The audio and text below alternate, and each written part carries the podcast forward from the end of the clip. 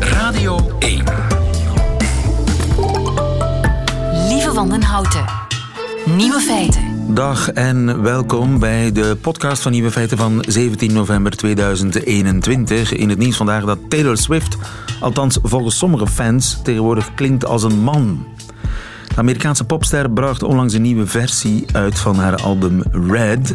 Ook in een exclusieve uitvoering op vinyl. En die klonk zo. They tell you while you're young. Meteen verschenen online vernietigende recensies. Wat een vreselijke uitvoering. Taylor klinkt als een man, schreef iemand. En iemand anders vond het angstaanjagend. Maar de wat oudere fans van Taylor Swift die hadden meteen door wat er aan de hand was. Het album was geperst op 45 toeren. Tot grote verbijstering van de jongelui die werkelijk geen idee hadden wat dat betekende. Groot was dan ook hun opluchting toen bleek dat één knopje hun probleem kon oplossen. They tell you while you're young.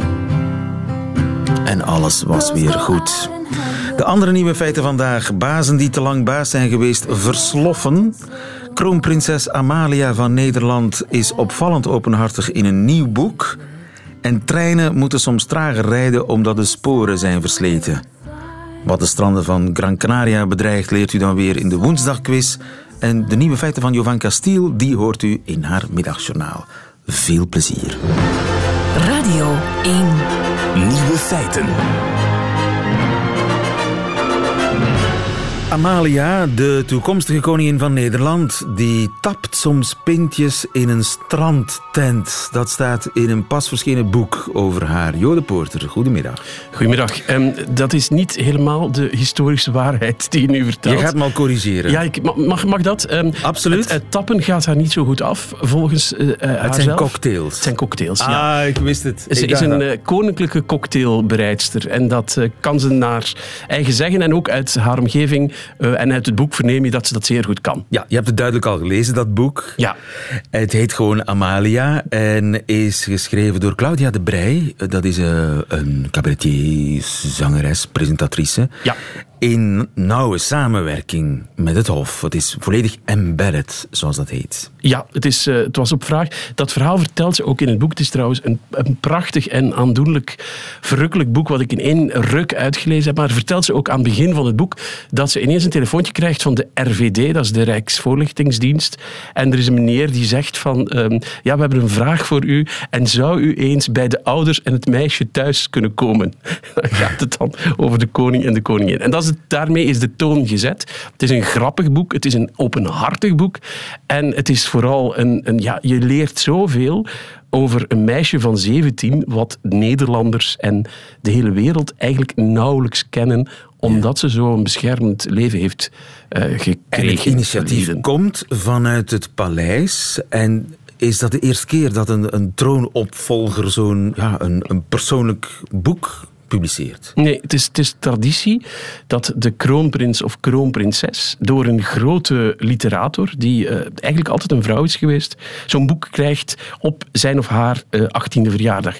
Eh, koningin Beatrix, of toen nog kroonprinses Beatrix, daar heeft Helle Haase het boek van gemaakt.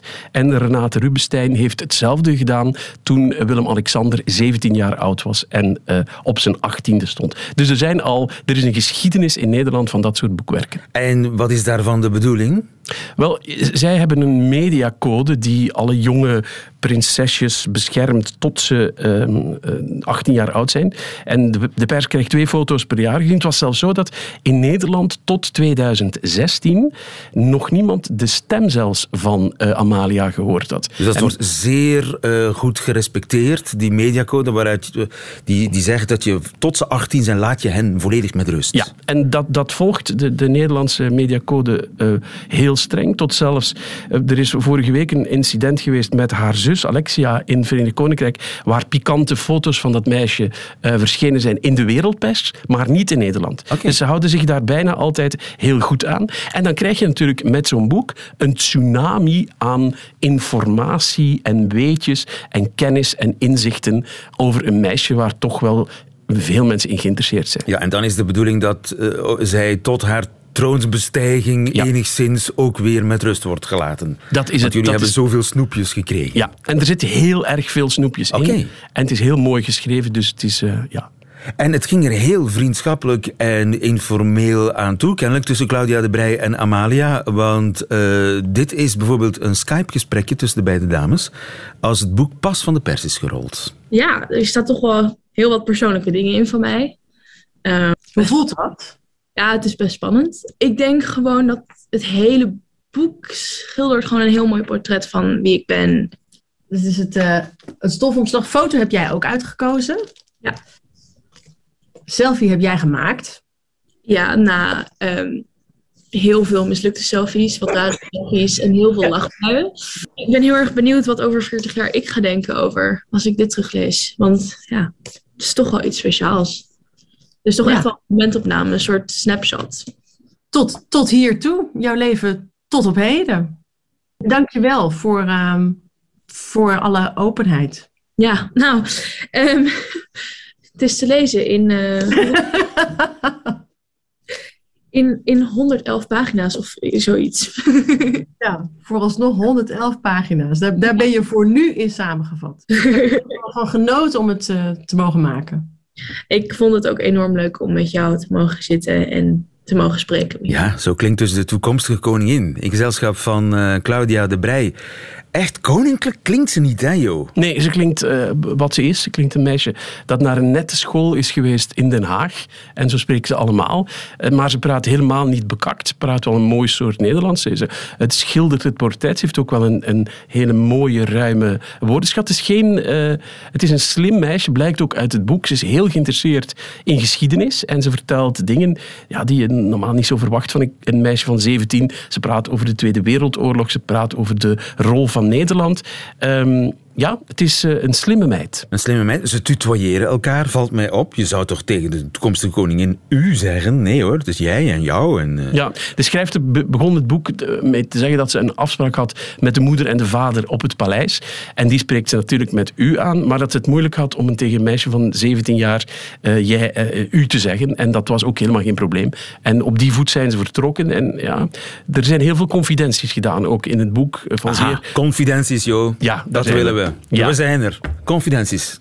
Ga door. Ik Eh, luister. Ja, confidenties. Ehm, bijvoorbeeld over haar liefdesleven, wat toch een Aha. sta- dat, ja, dat is toch een staatkundige kwestie. Hè? Want vanuit haar liefdesleven, dan moet daar dan weer de troonopvolger voor Nederland uit voorkomen. Dus dat is toch wel belangrijk. En in het boek staat het verhaal of de bekentenis dat ze al een vriendje gehad heeft. Ze praat over één iemand. Het is ook een, een jongen eh, van het mannelijk geslacht. Want daar, En hij heet Gabriel.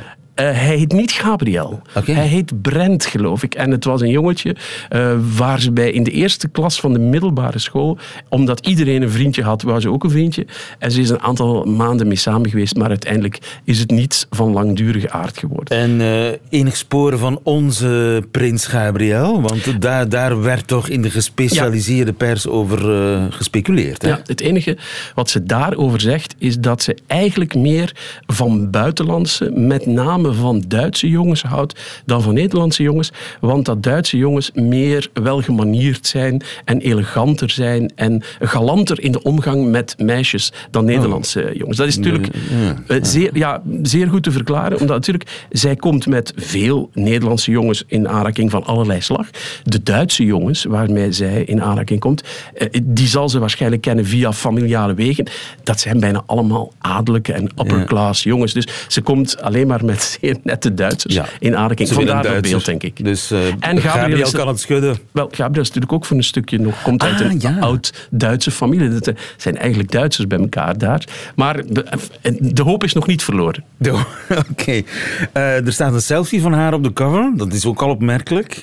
Eh, hoe is ze eigenlijk met haar grootmoeder? Want ze klinkt... al- je, je- je zou, als je haar Ja. hoort, denk je niet... Oh, ja, ja, haar vader is koning en haar, grootmoeder is koningin geweest. Ja, Eh, ze, is, ehm, ze lijkt qua karakter, dat zegt ze ook zelf, heel erg op haar oma prinses Beatrix, waar ze een heel speciale band mee heeft. Ze is net als haar oma is ze heel nauwgezet, ze is heel eh, perfectionistisch en zeer, eh, ik ben een zeer koppig dametje, zegt ze over zichzelf en impliciet zegt ze dat dan ook over prinses Beatrix. En een van de, de, de, de nauwe connecties die ze hebben, er is blijkbaar een app die ik niet kende, waar je fotootjes kan versturen naar een elektronisch lijstje. En prinses Beatrix heeft blijkbaar op haar werkkamer een elektronische fotolijst staan, Oh. waar op zeer geregelde basis foto's in verschijnen van haar kleindochter eh, Amalia, die ze verstuurt van tussen de paarden, van op school, van alle leuke dingen die ze meemaakt. Tussen dus ze hebben wel een natuurlijk, intens ja. contact. Ja, en paard. Het paard is ook een, eh, een gemeenschappelijk interessepunt. Tussen, Paard is heel belangrijk. Paard heet Mojito.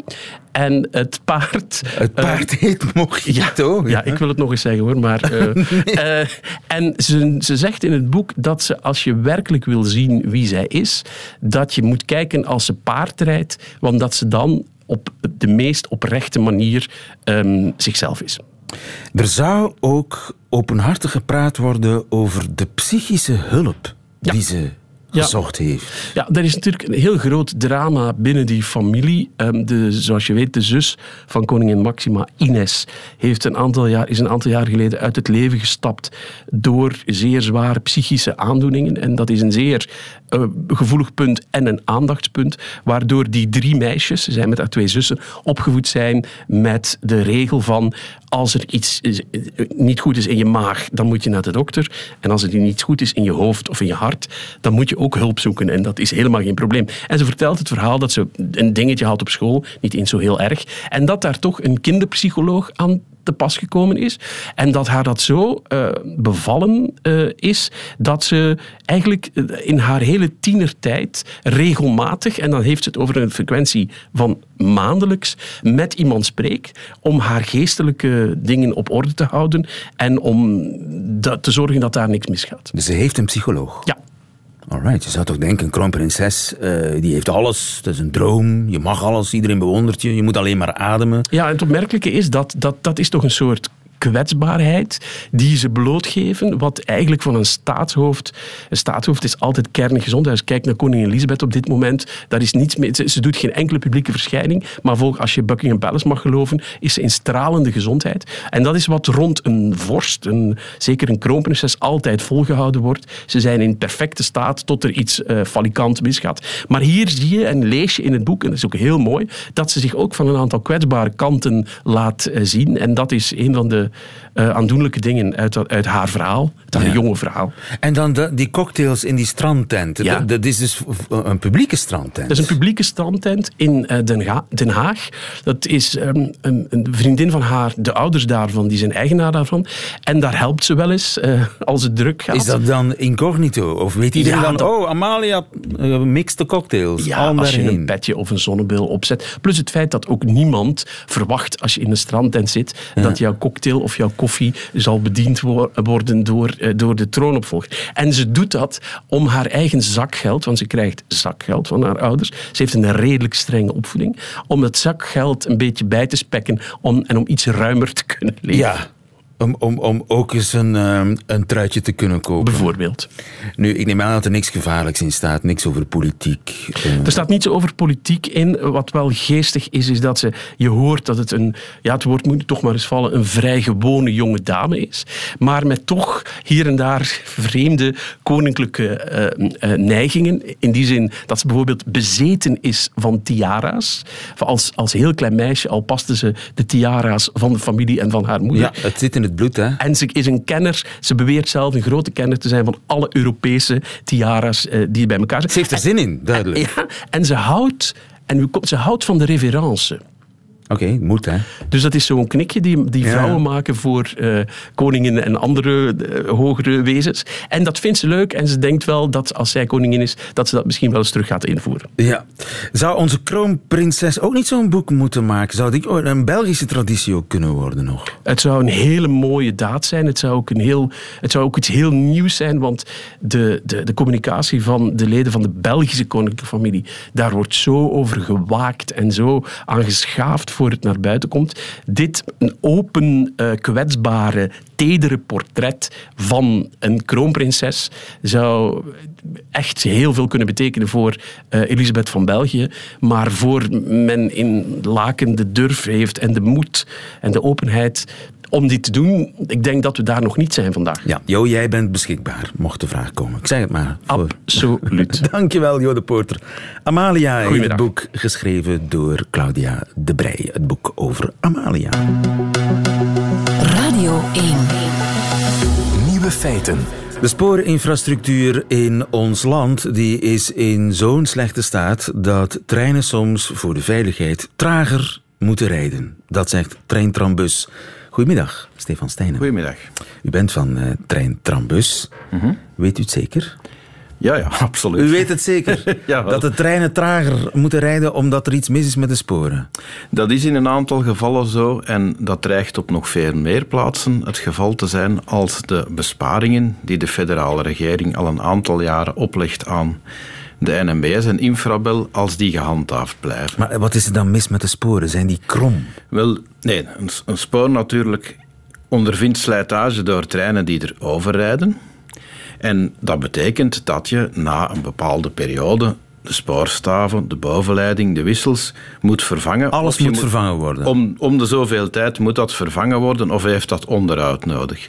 Als je dat onderhoud gaat uitstellen, omdat je te weinig geld hebt, dat je dat eigenlijk wegbespaart, dan heb je, moet je maatregelen nemen om de veiligheid te garanderen. En dat betekent in de praktijk de snelheid verlagen. Want anders zou die trein kunnen ontsporen. Inderdaad, dan kan je dat soort problemen krijgen, zeker op wissels. Hè. Dat zijn dan toch gevoelige onderdelen, bewegende onderdelen die de trein moeten geleiden.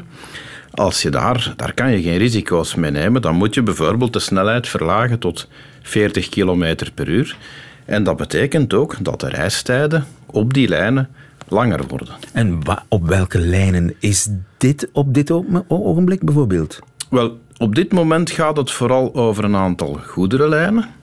Maar Infrabel heeft al wel aangegeven, als er niet ingegrepen wordt, dat dat bijvoorbeeld op korte termijn zou kunnen gebeuren op lijnen als Mechelen-Sint-Niklaas of Dendermonde-Loker. En als je dan nog een stap verder gaat en niet bijstuurt, niet voldoende middelen voorziet, dan zou het zelfs kunnen dat die lijnen gaan sluiten, omdat het te gevaarlijk wordt. Zijn daar in het verleden voorbeelden van? Dat lijnen... Jawel, jawel, jawel.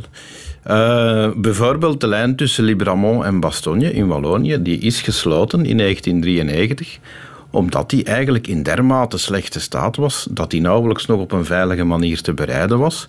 En dan krijg je natuurlijk ook een situatie dat op den duur een bus sneller wordt dan de trein.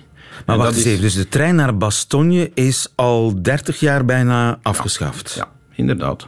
En er rijden voorlopig vervangbussen. Inderdaad, ja. Al bijna 30 jaar. ja. En dat komt omdat, het eigenlijk, omdat er geen geld meer was om die sporen te onderhouden. Dat klopt. En het nu eigenlijk onveilig is geworden om daar overheen te rijden. Op dit moment zou je die lijn, als die 30 jaar niet meer gebruikt is, zou je daar sowieso niet meer kunnen overrijden. Die zal ook overgroeid zijn, die stabiliteit zal niet meer in orde zijn en dergelijke.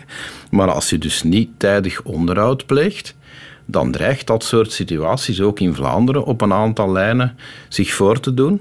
Je ziet ook dat Infrabel, die al jaren in een besparingskeurslijf zit, nu al maatregelen neemt waar we als reiziger eigenlijk hinder van ondervinden. Het gaat dan bijvoorbeeld om het opbreken van wissels, hè, want wissels dat zijn stukken in een spoor die regelmatig onderhoud nodig hebben, die moeten echt heel betrouwbaar zijn. Uitwijksporen opbreken, zodanig dat je minder kilometer spoor hebt te onderhouden, maar dat betekent ook dat je minder uitwijkmogelijkheden hebt in geval van pannes of om eens een goederentrein opzij te zetten om een passagierstrein te Ja. laten voorsteken. Dus dat schaadt de flexibiliteit van het net. En het gevolg is vertragingen. Het gevolg is dan vertragingen of dat de reistijden steeds langer worden, waardoor je bijvoorbeeld aansluitingsknopen niet meer kunt garanderen. Dus overstappen in grote knooppuntstations.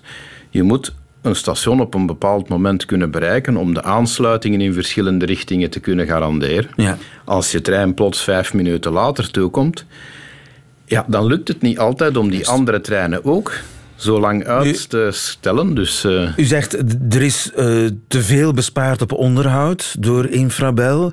Mocht u baas zijn van Infrabel, wat zou u dan doen? Wel, ik denk dat zij niet veel anders kunnen. Zij moeten het natuurlijk rooien met de centen die ze hebben. Dus het signaal dat zij al een tijdje gegeven hebben aan de minister van kijk, met deze werkingsmiddelen redden we het niet, dat zou ik ook gegeven hebben. Ik begrijp de keuzes die zij voor een stuk gemaakt hebben. Dat is eigenlijk in de eerste plaats een politieke verantwoordelijkheid. Minister Gilles heeft ambitieuze plannen voor het spoor. Hij zou willen dat het goederenvervoer verdubbelt in volume. Hij zou ook graag zien dat er in het hele land in principe overal om het half uur een trein rijdt. Dat zijn hele mooie ambities, maar dan moet je een net hebben dat echt in goede staat is, dat betrouwbaar is, dat ook voldoende snelheid toelaat, zodanig dat je dat ook kunt waarmaken. En dat missen we eigenlijk, de beloftes of het financiële engagement om te zorgen dat die plannen ook uitvoerbaar zijn. De minister zegt bijvoorbeeld op dit moment, als het dan gaat over Mechelen Sint-Niklaas of Dendermonde-Lokeren, zegt de minister geen probleem, er sluiten geen lijnen tot 2024. Maar dat volstaat absoluut niet. Een spoorbeleid moet je voeren op lange termijn. En dat is eigenlijk het probleem, dat er te veel op korte termijn wordt uh, nagedacht. Dankjewel, meneer Stijnen. Goedemiddag. Graag gedaan. Nieuwe feiten. Mag ik vragen, hoe lang zit uw baas al op zijn of haar stoel? Is dat langer dan zeven jaar? Wel, dan heeft hij misschien een probleem. Mijke Bokhorst, goedemiddag. Goedemiddag. Je bent onderzoeker aan de Universiteit van Utrecht en hebt meegewerkt aan een onderzoek naar bestuurlijk verval. Wat is bestuurlijk verval? Bestuurlijk verval is als er een patroon van bestuurlijk falen ontstaat. Dus uh, als een bestuurder geleidelijk aan steeds minder functioneert en dat ook de organisatie waar die voor werkt schade toeberokkent. En je hebt specifiek uh, semi-publieke organisaties onderzocht, zoals het huis waar ik voor werk, de, de, de openbare omroep, of zoals de, de spoorwegen of zo. Uh, waarom? Woningcorporaties, Woningcorporaties zorginstellingen, zorginstellingen, onderwijsinstellingen. Waarom heb je specifiek die organisaties onderzocht? Nou, er is heel veel aandacht voor bestuurlijk verval in de private sector. onderzoek naar CEO's, vooral in Amerika, grote beursgenoteerde bedrijven. Uh, wat er gebeurt als uh, de bestuurder daar minder goed functioneert. Daar gaat veel onderzoek naar uit. En in de publieke sector natuurlijk ook naar langzittende politici, bestuurders. Uh, en in de semi-publieke sector was uh, bestuurlijk verval eigenlijk nog nauwelijks onderzocht. Okay. Uh, en in Nederland hadden we heel veel incidenten met semi-publieke instellingen. Problemen met woningcorporaties. ja, ik herinner mij een, een of andere baas met een Maserati. Ja, de Maserati-man die verscheen voor de parlementaire enquêtecommissie. En er verschenen nogal een aantal andere woningcorporatiedirecteuren die een groot probleem hadden, omdat ze ook uh, ja, hun organisatie ook echt schade toeberokkenden door onverantwoord bestuurlijk handelen. Ja, en jij hebt dus ontdekt dat de seven-year itch ook bij bazen in de semi-publieke sector bestaat. Niet alleen in Dan, huwelijken of relaties. Uh, zeven jaar is iets wat inderdaad in de literatuur veel genoemd wordt. En dan plus twee of min twee. En uh, ja, als je er veel langer dan negen jaar zit, dan wordt het lastiger. Dat wil niet zeggen dat een bestuurder dan niet meer goed functioneert. Maar je moet je meer inspannen om te zorgen dat mensen je nog gaan tegenspreken. Als je ergens op een lange tijd zit dan uh, denkt de omgeving ook van nou, de baas zal alles wel weten. En dan moet je wel goede huizen komen om uh, ja, je kennis in te brengen en die tegenspraak te bieden. En het is juist extra nodig dat als je er langer zit, dat je ook gewoon de tegenspraak blijft krijgen en zelfreflectie organiseert. En uh, daar moet je wat langer en wat harder aan werken als je langer zit. Ja, je krijgt een soort gevoel van onaantastbaarheid.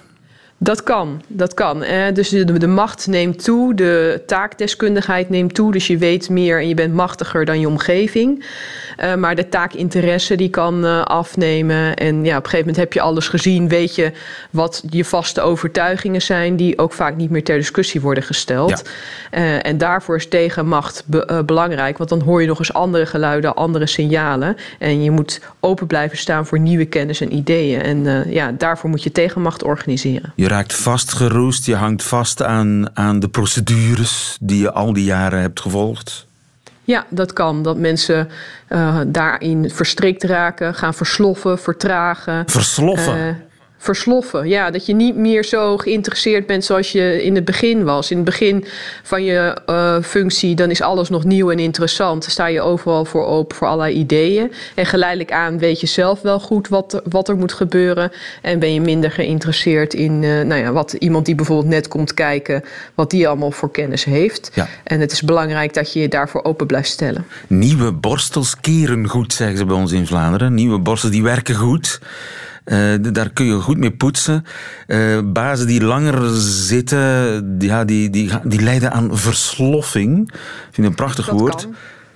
Uh, is er ook sprake van moreel verval? Ja, we maken onderscheid tussen moreel en functioneel verval. Dus bij functioneel verval uh, wordt de taak niet meer goed uitgeoefend. En bij moreel verval dan is het dat de persoon vaak zelf iets doet wat of niet integer is, hè, integriteitsschendingen of ongepast gedrag. En dan kan je denken aan de MeToo-achtige kwesties, uh, maar ook topsalarissen of uh, autoritaire leiderschapsstijl. Uh, dus dat is meer vormen van moreel verval. En bij functioneel verval, dan kan je denken aan het nemen van onverantwoorde risico's of het volgen van een verkeerde strategie, waardoor de organisatie in grote problemen kan komen. Moet je dan zeggen na zeven jaar weg? Nou, zo zwart-wit is het niet. Want er zijn ook een aantal langzittende bestuurders die nog steeds goed uh, functioneren. Maar die organiseren die tegenspraak ook heel sterk. Die zorgen dat werknemers veel te zeggen hebben. Dat er gewoon uh, inbreng is van cliënten en patiënten. Uh, en het is belangrijker als je langer zit in een stevige machtspositie hebt. Om te zorgen dat mensen zich vrij uit kunnen wenden tot de bestuurder. En alle kritiek ook kunnen leveren. En ja. het is niet alleen iets dat het met de bestuurder te maken heeft. Maar ook met zijn omgeving. Die kan ook denken als iemand er zo lang zit, die weet wel alles, wat heb ik nog in te brengen. En ook die mensen moeten het gevoel hebben, hè, de omstanders, dat zij die tegenspraak moeten bieden. Want een goede bestuurder heeft ook recht op goede tegenspraak. Inderdaad, en het kan niet alleen uh, onder zich, maar ook boven zich. De raad van bestuur, in Nederland heet dat anders raad van toezicht geloof ik, maar bij ons ja. is dat de, de, raad van bestuur. Die kan die CEO natuurlijk ook uh, streng, na zeven jaar ietsje strenger gaan bekijken van is die niet aan het versloffen? Ja, bij sommige instellingen is het ook zo dat je vaste termijnen hebt. Vier jaar en dan nog een keer vier jaar. En wil je doorgaan naar twaalf, nou dan moet het wel echt, uh, uh, echt een belangrijke noodzaak zijn. Dan moet je wel echt een uh, heel goed toegevoegde waarde voor de organisatie hebben. Dus het is mogelijk om de bestuurdersfunctie aan termijnen te koppelen. Maar de Raad van Bestuur of de Raad van Toezicht heeft ook een belangrijke rol als werkgever. Door periodiek met de bestuurder het gesprek aan te gaan of die nog goed functioneert. Of de tegenspraak goed georganiseerd georganiseerd is. En of uh, uh, het misschien ook tijd wordt op een gegeven moment om ook uh, plaats te maken voor andere bestuurders die die taken kunnen gaan vervullen. Ja, de seven year itch bij Bazen. Meike Bokhorst, dankjewel. Goedemiddag. Graag gedaan. Nieuwe feiten. Woensdag quiz. De woensdagquiz, waarbij op het spel staat een boekenbon van 25 euro te verzilveren bij een boekhandelaar aangesloten bij Confituur. Goedemiddag, Gilles. Goedemiddag. Gilles Wijkmans van de redactie van Nieuwe Feiten die deze quiz heeft samengesteld. Goedemiddag ook Marjorie. Hallo. Marjorie de Smet uit Gent. Jij doet mee aan de quiz. Uh, jij was de eerste om je te melden. Wat was je aan het doen?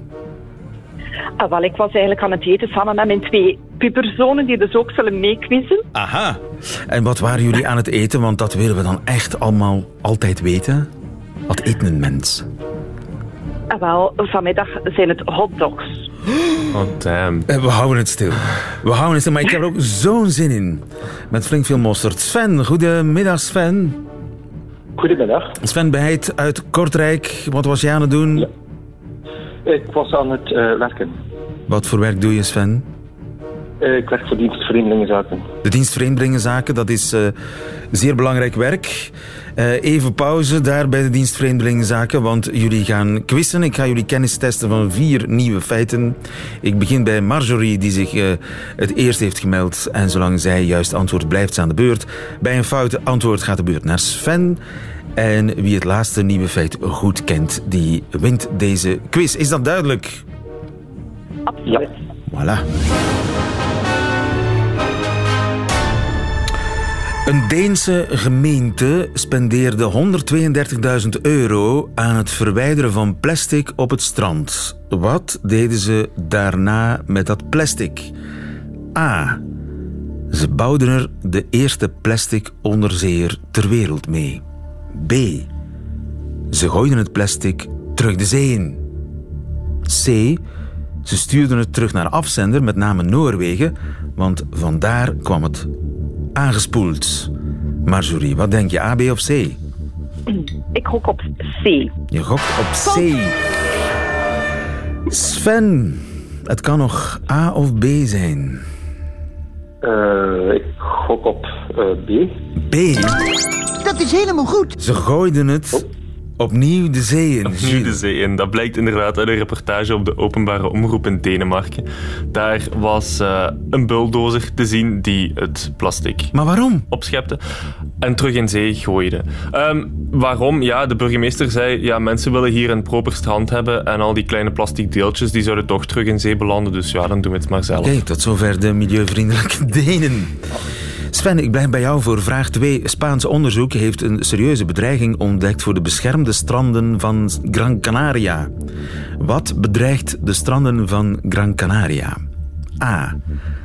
Swingers die seks op het strand hebben. B.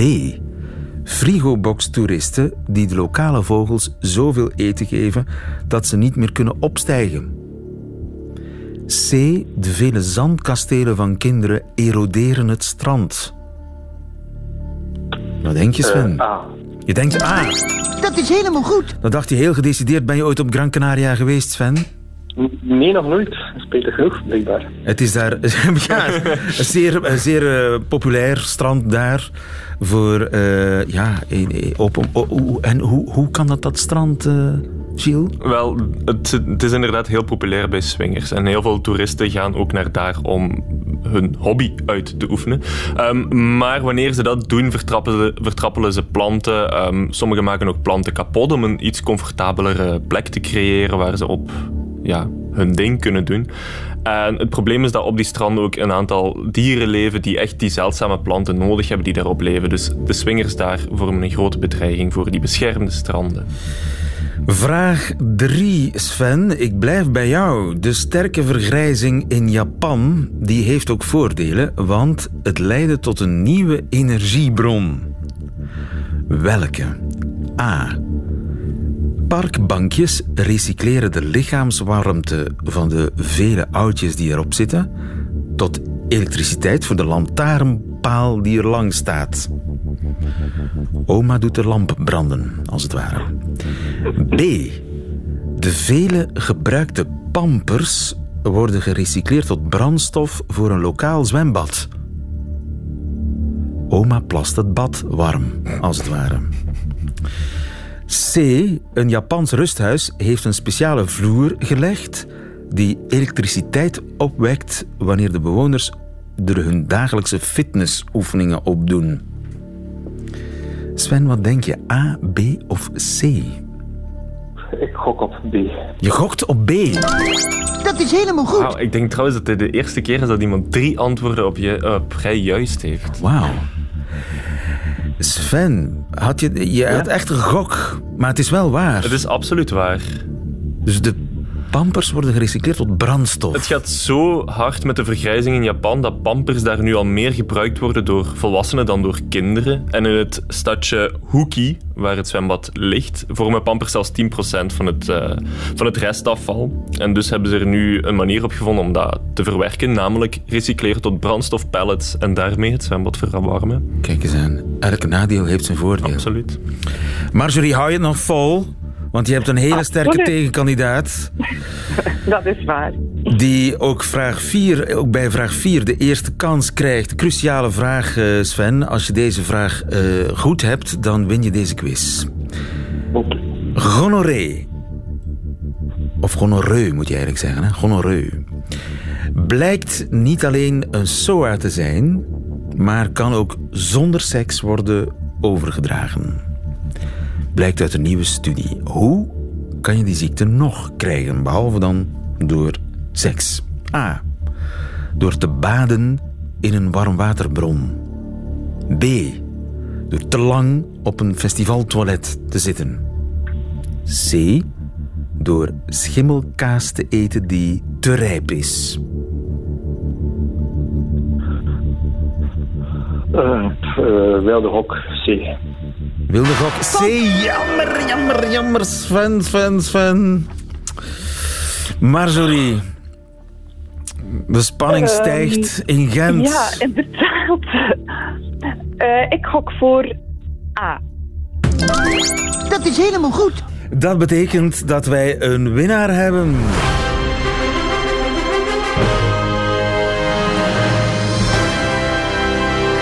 Sven, je hebt eh, waanzinnig goed gespeeld. Maar dat is nu eenmaal het onrechtvaardige van deze woensdag geweest. Het is Marjorie die met de 25 euro boekenbon gaat lopen. Sven, ik hoop dat je mij vergeeft. Ja, absoluut, ja. Oké. En eh, er komt eh, al, altijd nog een kans. Je kan altijd nog eens wagen om mee te spelen. Marjorie, gefeliciteerd. Weet je al welk boek je gaat kopen met je 25 euro? Eh, het zal sowieso een Vlaamse schrijver worden. En eh, ja, er is keuze genoeg zelfs op dat vlak. Hè. Eh, een Vlaamse schrijver. Wie is je favoriete Vlaamse schrijver? Ik lees wel graag boeken van Stefan Hertman. Aha. Of ja, bijvoorbeeld. Die mag zitten hopen dat je voor hem kiest. Marjorie de Smet, nogmaals gefeliciteerd. En volgende week is er weer een woensdagquiz. Nieuwe feiten. We hebben de uitleg nog niet gekregen van eh Gilles waarom je gonoreu ook kunt krijgen van warmwaterbaden. Wel, het was een Oostenrijks meisje dat de ziekte heeft opgelopen en nadat ze op vakantie was geweest met haar ouders en ze hebben samen in een warm waterbad gelegen. Ja, en toen kreeg ze gonoreu. Ja, omdat er iemand dus, ja, een besmet iemand voor haar in dat bad zat en de warmwaterbaden zijn nu eenmaal de ideale habitat voor de gonoreu-bacterie. Oké, en dat meisje werd eerst niet geloofd, maar de wetenschap heeft haar gelijk, Gelijk gegeven. gegeven. Dankjewel, Gilles. Volgende week weer een woensdagquiz. Waarmee dus alle nieuwe feiten zijn gepasseerd op deze 17 november, behalve die van Jovan Castiel. Nieuwe feiten. Middagjournaal. Goedemiddag. Een paar weken geleden ben ik gaan eten in een chic vegan restaurant in Brussel. Het restaurant was zo chic dat ze geen menukaarten gaven en ook nooit spraken over eten. In plaats daarvan noemden ze het een ervaring. Het was inderdaad een ervaring en we hebben er heel veel van geleerd. Bijvoorbeeld, blijkbaar is een chic restaurant niet alleen kei duur, maar zijn alle porties ook kei klein. Elk gerecht dat ze brachten was kleiner dan hetgene ervoor. Alles was echt ongelooflijk lekker, maar het voelde alsof het allemaal proevertjes waren van iets groter. En bij elke ervaring wilde ik roepen: Ja, ja, dit wil ik bestellen.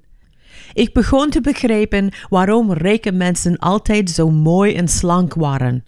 Alleen rijke mensen hebben genoeg geld voor zo'n kleine porties.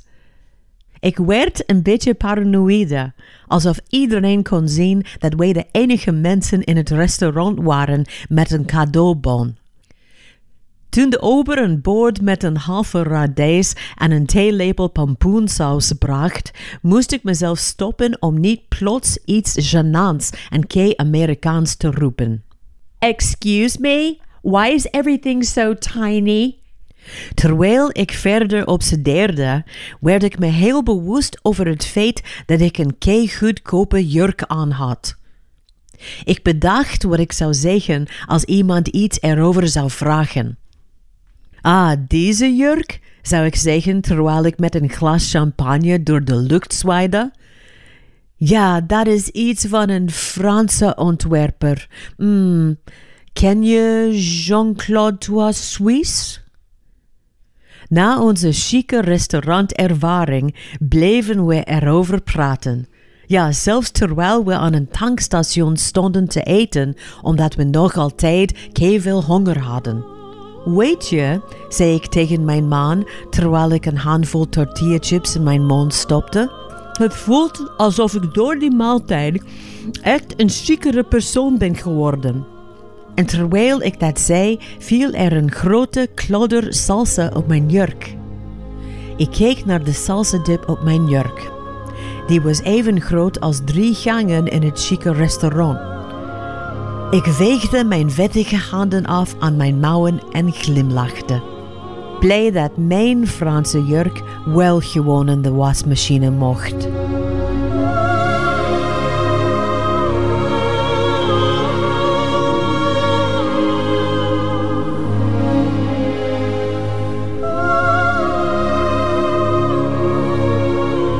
Het middagjournaal van Jovanka Stiel. Einde van deze podcast. Hoort u liever de volledige uitzending van Nieuwe Feiten? Dat kan natuurlijk live op Radio 1.